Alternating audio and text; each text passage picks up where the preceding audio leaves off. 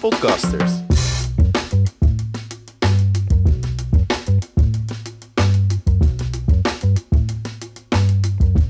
Welkom bij de Influencer Marketing Podcast van Vertigo 6. De podcast waarin we influencer marketing benaderen vanuit de adverteerders en de influencers. In deze aflevering hebben we het over samenwerkingen op het platform TikTok. Waar moet je als adverteerder, maar ook als influencer, allemaal rekening mee houden op dit platform? En hoe verschilt TikTok zich weer van andere platformen? Mijn naam is Mirna Hendricks en ik zit hier met Veerle Peters. Hoi. Hallo Veerle. ja. Zou je jezelf kort voor willen stellen voor de mensen die je nog niet kennen? Eh, nou, ik ben Veerle. Ik, eh, ik maak TikToks. En dat zijn vooral creatieve TikToks en sketches. Heel veel verschillende soorten dingen. Ehm, dus ja, daarom ben ik hier om daarover te gaan kletsen met jou. En hoe lang ben je nu al bezig met TikTok? Ehm, ik denk dat ik tijdens corona ben begonnen. Dus eh, vanaf 2020 denk ik ongeveer. Hmm. Dus wel al een tijdje, ja. En eh, ben je voor eh, TikTok ben je ook al bezig geweest op andere platformen? Ja, ik heb YouTube-video's gemaakt. Ik heb ook op Instagram eh, sketches geplaatst. En vervolgens, toen zei een vriendin van, nou, je moet eens een keer naar TikTok kijken. En toen dacht ik, oké, nou, ik ga het proberen. En nou ja, dat was eigenlijk een hele goede match. Dus ja. En eh, heb je ook al ooit een keer toen nog naar Musical.ly omgekeken? Of Nou, ik heb? Musical.ly ooit, ik heb het nooit gedownload gehad, zeg maar. Dus ik, ik heb ook nooit... Ik, ik hoorde dan van, ja, TikTok is eigenlijk een dansjes-app. En dat is dan Musical.ly ooit geweest. Nou, ik heb Musical.ly nooit zelf gehad. Dus maar eh, het is nu iets heel anders. Dus eh, dat moet ik ook altijd nog uitleggen van, het is geen dansjes-app. Want je maakt nu allemaal verschillende soorten content op TikTok. Maar wat Ja. is nou echt zeg maar jouw je favoriete content om te maken van je zegt van ja, dit wordt ook echt door mijn kijkers het meest gewaardeerd? Eh, ik denk de DIY's. Dus ik, ik vind het leuk om eh, dingen uit de kringloop te kopen. Of, of mijn eigen meubels en dingen die ik al heb, om die dan te make-over. Dus het is een beetje DIY en interieur vind ik zelf heel leuk. En dat vinden mijn kijkers ook heel leuk. Dus dat is het eh, wat ik het leukste vind eigenlijk om te maken, denk ik. En doe je, ben je al meteen toen je op TikTok kwam begonnen met DIY's? Of je op een Nee. gegeven moment is het gewoon omgeslagen? En... Eh, ik heb, eh, ja, waar ben ik mee begonnen? Ik denk sketches, want dat deed ik eerst op Instagram ook wel.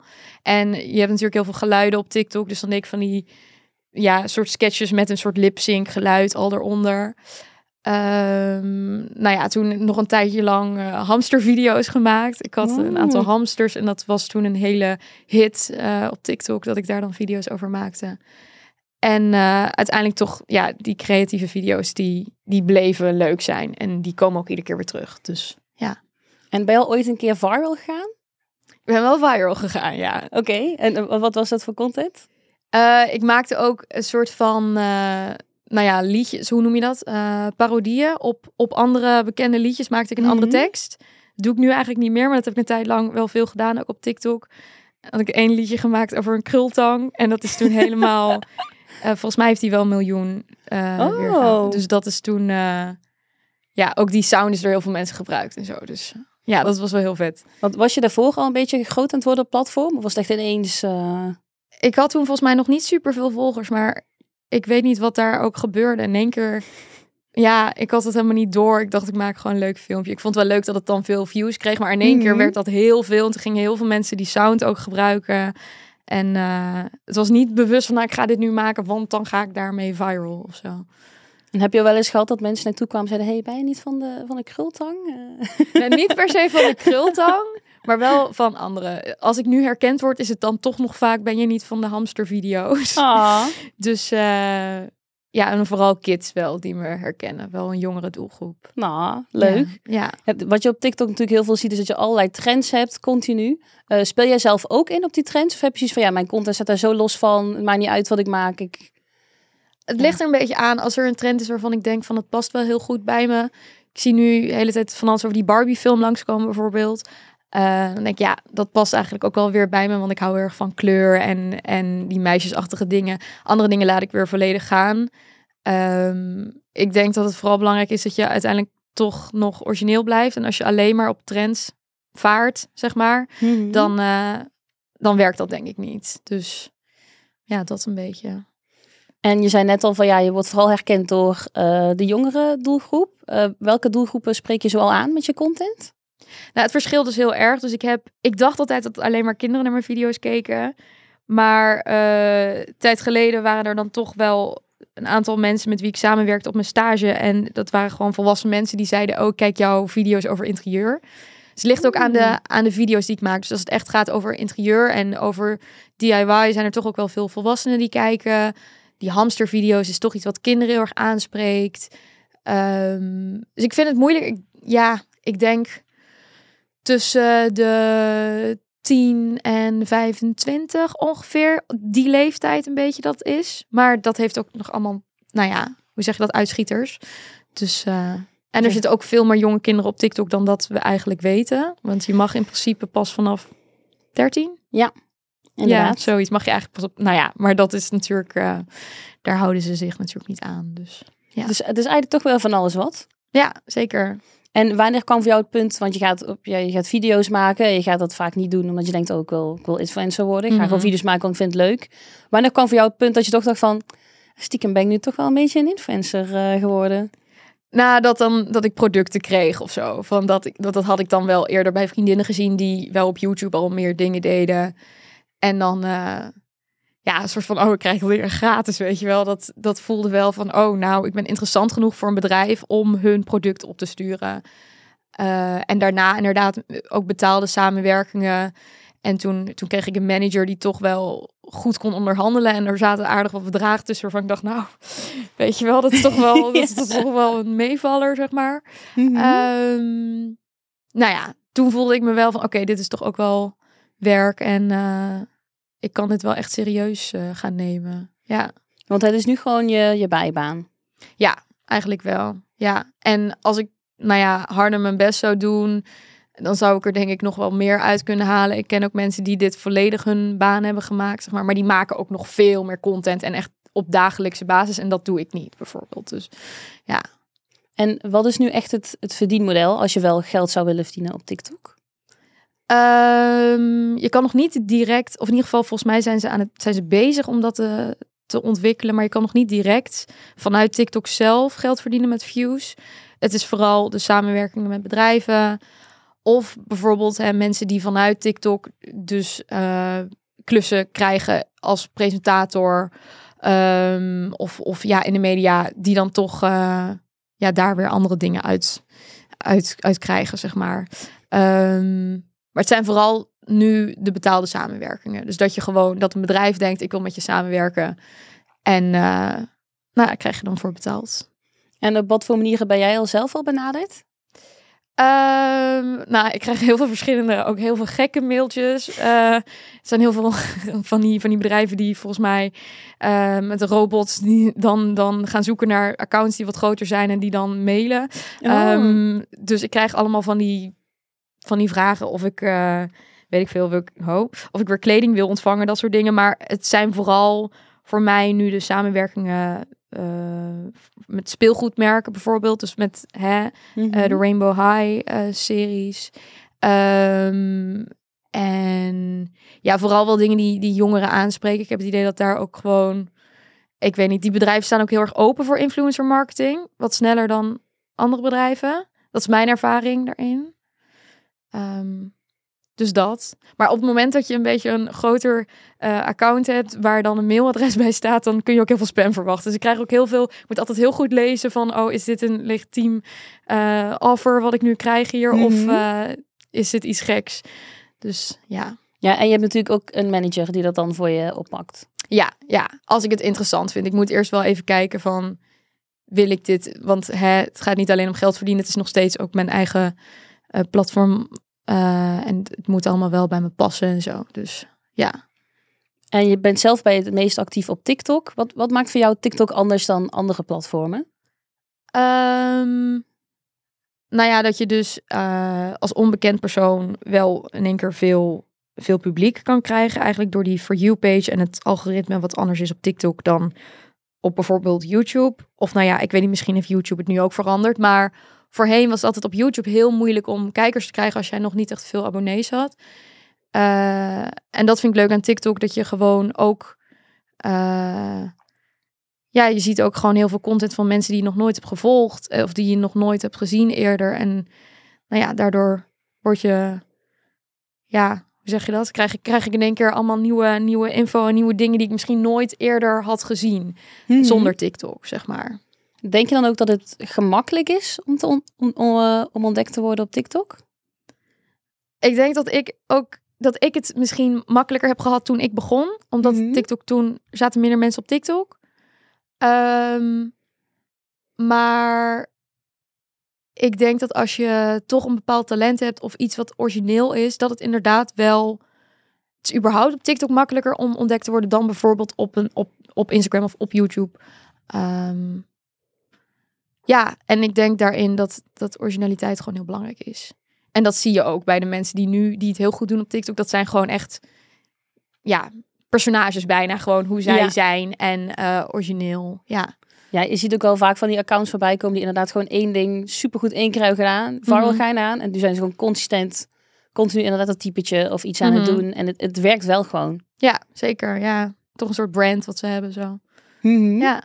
En hoe ervaar je het dan? Want het algoritme is dus best wel wisselend, hoor ik in ieder geval vaak van de meeste creators. Hoe ga je daarom rondom samenwerkingen? Ehm, nou ja, in principe, ik maak de video en, en zij hebben een bedrijf een bepaalde verwachting over hoeveel views dat dan eh, gaat krijgen. En dan wordt ook nog afgesproken of zoiets dan hè, wordt gepusht, wordt ge- betaald, wordt, eh, wordt ingezet, zeg maar. Ik weet niet of ik dat goed verwoord, maar Ja. Ehm, kijk, in principe, ik als creator, ik word betaald voor mijn video en voor mijn kijkers. En er is altijd de hoop dat zo'n video het dan heel goed doet. Als dat dan niet lukt, ik word toch betaald uiteindelijk. Mhm. Ehm, ik denk dat het gewoon heel belangrijk is voor bedrijven om. eh, kijk, dat ik een be- bepaald eh, gemiddeld aantal views heb, betekent niet dat eh, een samenwerking dan meteen ook dat aantal views haalt. Dat een kijker natuurlijk eigenlijk altijd wel doorheeft dat iets een advertentie is. En ik denk dat het belangrijk is om altijd een soort van mee te nemen. Om altijd nog te bedenken van, oh ja, advertentie blijft een advertentie en gaat misschien ook wat minder views halen. En het algoritme doet dus inderdaad ook zo af en toe een beetje gek. En eh, ja, en heel soms is het gebeurd dat ik dan heb gezegd van oké, het werkt nu echt helemaal niet. Ik haal de video offline. We zetten hem over een week weer online. Mm, En dan kijken we of het beter werkt. Want heb je al een keer wel wat onrealistische verwachtingen gekregen vanuit adverteerders? Eh, nee, dat valt mee. Maar ik heb het wel bij vrienden inderdaad langs horen komen van eh, dat bedrijf dan. eh, ik heb zo'n appgroep met allemaal TikTokkers erin. En, en dan hebben we het daar Oh. wel eens over. En dat een bedrijf dan inderdaad denkt van... nou, omdat jij zoveel views hebt... kan je nu ook viral gaan met deze video over dit merk. En dat is natuurlijk niet helemaal realistisch. Dus dat moet je altijd nog wel een soort van duidelijk maken... aan een, ja, een samenwerkingspartner, zeg maar. Ja, en, en eh, ik denk ook als je het dan duidelijk maakt, dat ze dan ook wel wat meer begrip voor hebben. toch? Ja, ja. Maar het is gewoon belangrijk omdat eh, het is niet eh, op het moment dat je geld geeft aan een creator die veel volgers heeft en veel views en een of ander script, dat zo'n video dan viral gaat. Zo werkt het natuurlijk niet. Er zijn doe heel doe veel maar even een viral. Ja, zo werkt het natuurlijk helemaal niet. Ehm, en daarnaast dus inderdaad ook de kijker niet onderschatten. De kijker heeft altijd door dat het een advertentie is. Echt vrijwel altijd. En eh, ja, gewoon belangrijk om daar rekening mee te houden. Dus eh, ja. Ja, ik, ik moet zeggen, ik betrap me daar zelf vaak ook wel op als ik dan er pas op het einde achterkom dat het advertentie is, dat ik denk, dit, dit hebben ze goed gedaan. Ja, ja, Ik ja. heb het gewoon niet door. Dat is het idee. En daarom vind ik het ook heel belangrijk. Ik heb wel eens samenwerkingen gehad waarin een bedrijf dan heel duidelijk een soort script had voor mij. En dan wilden ze al heel groot het logo in beeld meteen. En dan dacht ik, ja, ik kan dat nu wel gaan doen. Maar ik weet dat dat dan niet, dat gaat niet werken. Je, je kan het natuurlijk niet hetzelfde insteken als een tv-reclame.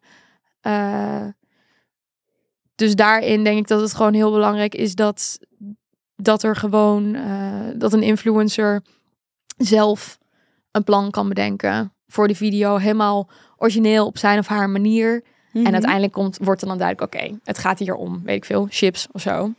Ja, Lekker. dat. Ja. Eh, ja, vaak bij video's moet je natuurlijk ook, is belangrijk dat je aangeeft dat het een samenwerking is door hashtag ad. Heb je dan Mhm. ook het gevoel dat gebruiken van hashtag ad in de omschrijving invloed heeft? Ehm, ik weet niet of, hoe het algoritme daarop reageert. Dat weet ik niet eigenlijk. Maar ik denk wel dat er genoeg mensen zijn die even kijken naar. Ik doe het zelf ook. Als ik een video zie over bijvoorbeeld kleding of make-up of zo, waar ik eventueel zelf geïnteresseerd in ben, kijk altijd even in de hashtag staat die ad erbij. Want uh, is het dan een eerlijke review? Weet je wel? Even kijken of dit een oprechte mening is van iemand of dat het toch gesponsord is. Um, ja, ik denk misschien dat kids daar minder snel, mijn jongere doelgroep kijkt er misschien minder snel naar.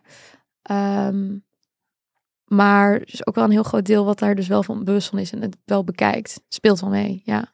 Ja, en als je dan zo'n hashtag ad ziet, heb je dan zoiets van, oh, ik ga hem niet meer afkijken? Of meer zoiets van, oh, misschien is de mening ja, het is lastig. Ligt, ligt eraan wat het is. Ik vind het soms juist ook wel leuk om te zien, maar dat is dan mijn, omdat ik zelf uh, samenwerking doe, leuk om te zien hoe andere influencers een samenwerking insteken. Hmm. Dan denk ik, oh, dit is heel leuk gedaan. Dan doen ze een sketch of zo en dan gaat het inderdaad dus over strips uiteindelijk. En dan denk ik, oh, nou, heb je leuk bedacht zo. Ja. Dus uh, ja, dat. Ja. En uh, we hebben het er net al een beetje over gehad. Dat je zegt van ja, je kan best wel leuk uh, vindbaar worden op TikTok door de For You page. Mhm. uh, maar heb je dan het idee dat het hebben van heel veel volgers op TikTok je wel helpt in de vindbaarheid? Hmm. Ik denk, uh, je hebt natuurlijk de For You page en je hebt de volgend pagina. Mm mijn views krijg ik altijd het meeste uit de For You page. En ik heb altijd wel een standaard aantal hele lieve volgers die mijn video's altijd kijkt. Dus ik heb altijd wel minimum aantal views. Ook als het een hele stomme video is, dan krijgt hij wel views. Um, maar die volgers maken eigenlijk ook helemaal niet uit. Naast die vijf die altijd wel heel lief liken en commenten. Um, ja, ik moet alsnog belangrijke, mooie, interessante dingen vertellen en maken en laten zien in een video om uh, views te krijgen. Dus ook voor bedrijven, uh, kijk, of iemand nou 100.000 volgers heeft of 50.000, dat maakt eigenlijk dan gewoon bijna niet meer uit. Het gaat vooral om uh, of iemand bij je merk past en of, uh, of ze origineel zijn, denk ik. Ja, want de hoeveelheid volgers is dan wel weer interessanter voor adverteerders vaak. Ja, ik, ik om merk, op te vallen. Ja, dat, dat hoe meer volgers ik kreeg, dat merken ook sneller geïnteresseerd waren in de samenwerking. Terwijl ik heel goed weet dat er mensen zijn nu met misschien 10.000 volgers die veel betere of interessantere content maken misschien dan ik nu. Omdat ze er veel harder aan werken. Mm maar bedrijven kijken daar dan weer vaker overheen. Want ze denken, oké, meer volgers en meer views. Maar dat staat eigenlijk, dat is niet per se zo. Nee.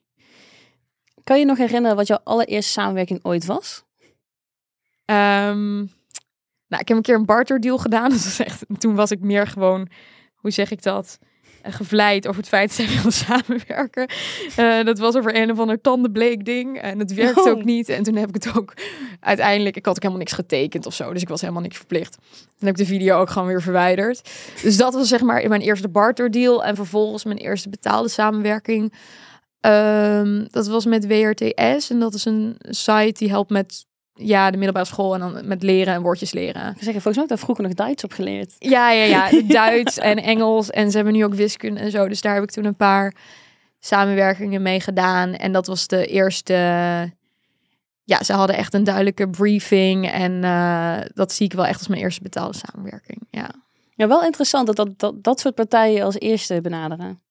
Ja, nou ja, het is ook een soort van dat ik denk van, nou, kijk, ik werd ook wel benaderd door andere dingen, maar ik dacht, kijk, als het gaat om school en het is iets waarvan ik, nou ja, dat wil ik best wel promoten of zo. Weet je, ik heb het vroeger zelf ook gebruikt, dus dan, nou, dat vond ik ook wel leuk.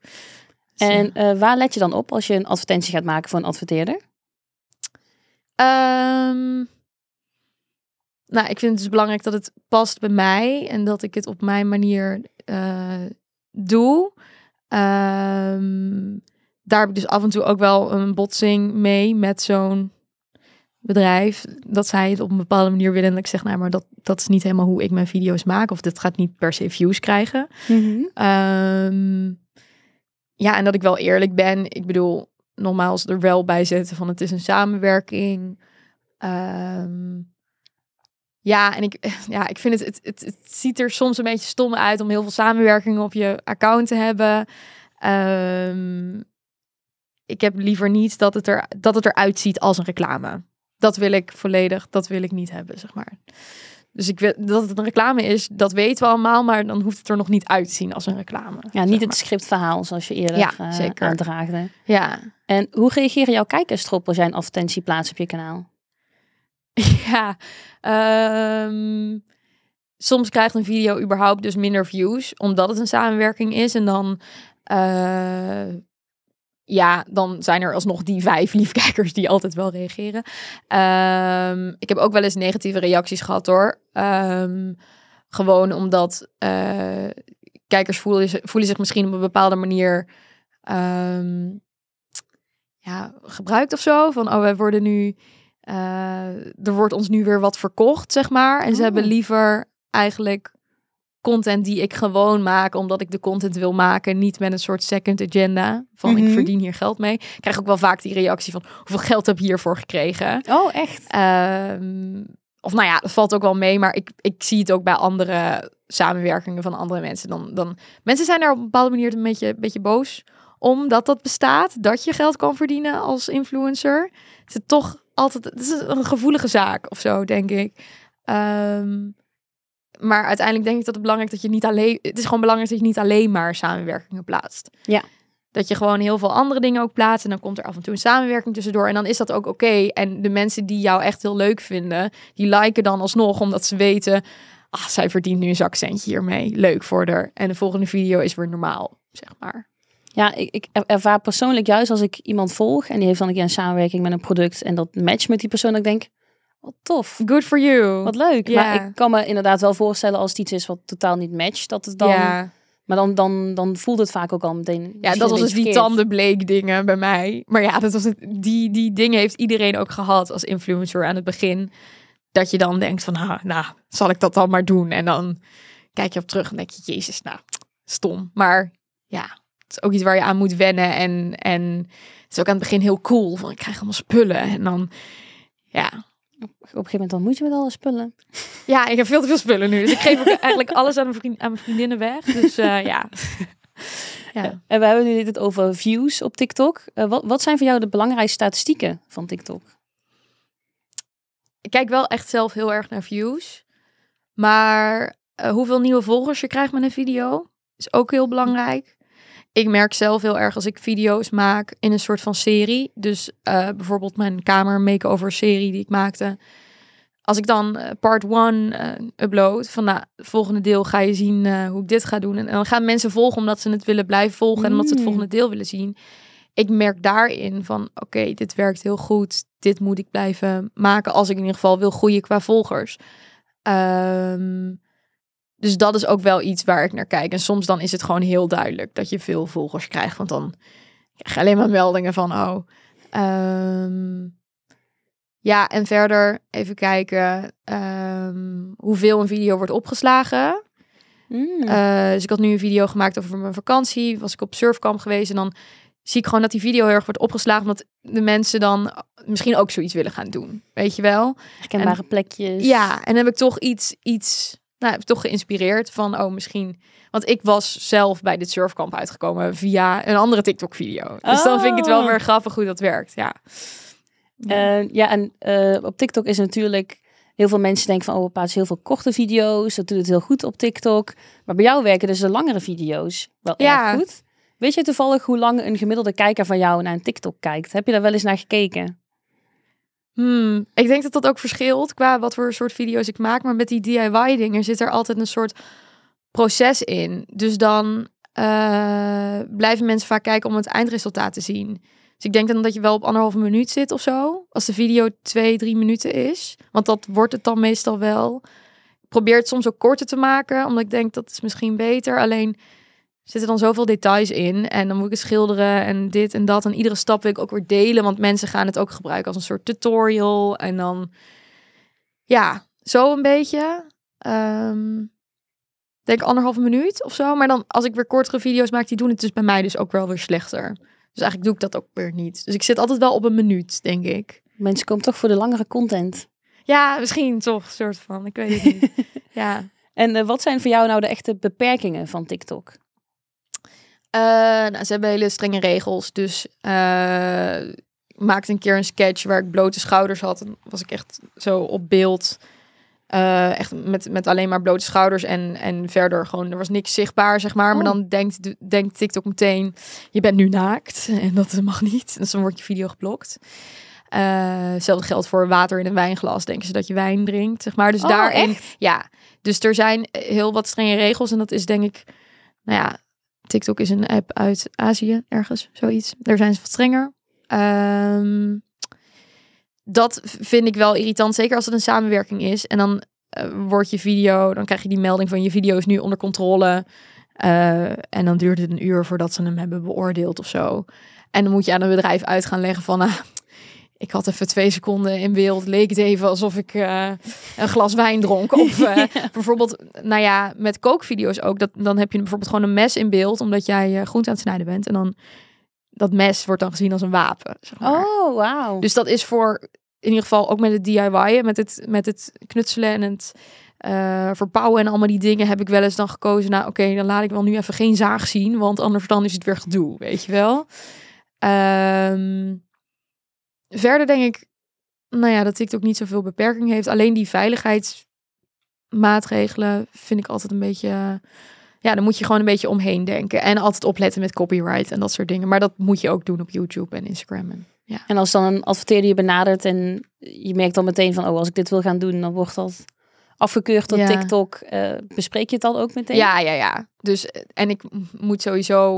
Ik vond het jammer. Ik had bijvoorbeeld twee jaar geleden een hele leuke vakantievideo. En had ik één leuk shot dat ik zo de zee inrende. Maar ja, heb je een bikini aan en dan denkt TikTok dat het lingerie is. En dan, weet je wel, dus er zit heel veel...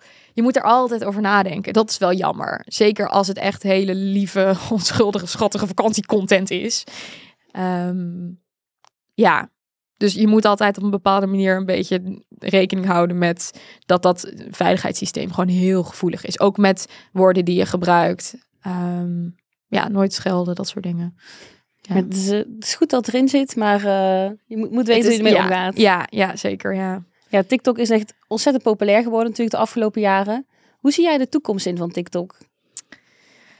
Hmm, ik denk dat TikTok nog wel even belangrijk blijft.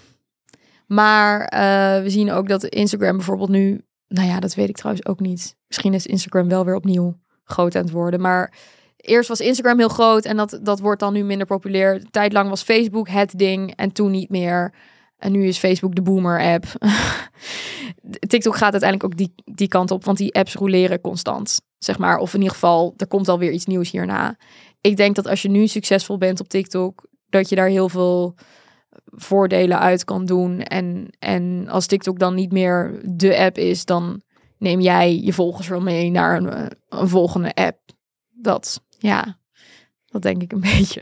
En wat denk je dat hierna zou kunnen komen? Wat, Nou, er is nu alweer opnieuw van de makers van TikTok is er volgens mij weer een app of van Instagram. Ik weet het niet, maar er zal altijd wel weer wat nieuws komen. En eh, ik denk dat je, want er zijn ook heel veel YouTubers die naar TikTok zijn gegaan. Mhm. Heel veel Instagrammers die naar TikTok zijn gegaan. TikTokkers die podcasts zijn gaan maken. Ehm, ik denk dat je altijd moet blijven ontwikkelen. Sowieso op het platform zelf. Als jij aan één stuk door dezelfde content maakt. En als je dat in 2019 al deed en je doet het nu nog steeds, dan krijg je geen, dan krijg je geen nieuwe volgers erbij. Dus altijd blijven we ontwikkelen. Zeg maar, en die apps blijven ook ontwikkelen. Dus dan ontwikkel je samen lekker verder. En, eh, Samen ontwikkelen en dan kom je er wel. Ja, zoiets, ja. Dan heb ik eigenlijk nog één vraag aan jou. Eh, welke tip zou een adverteerder geven voor zijn eerste samenwerking met een TikToker? Ehm, eerst even heel goed eh, TikTok snappen. Gewoon even wekenlang gaan scrollen en gaan doen. En even kijken, nou ja,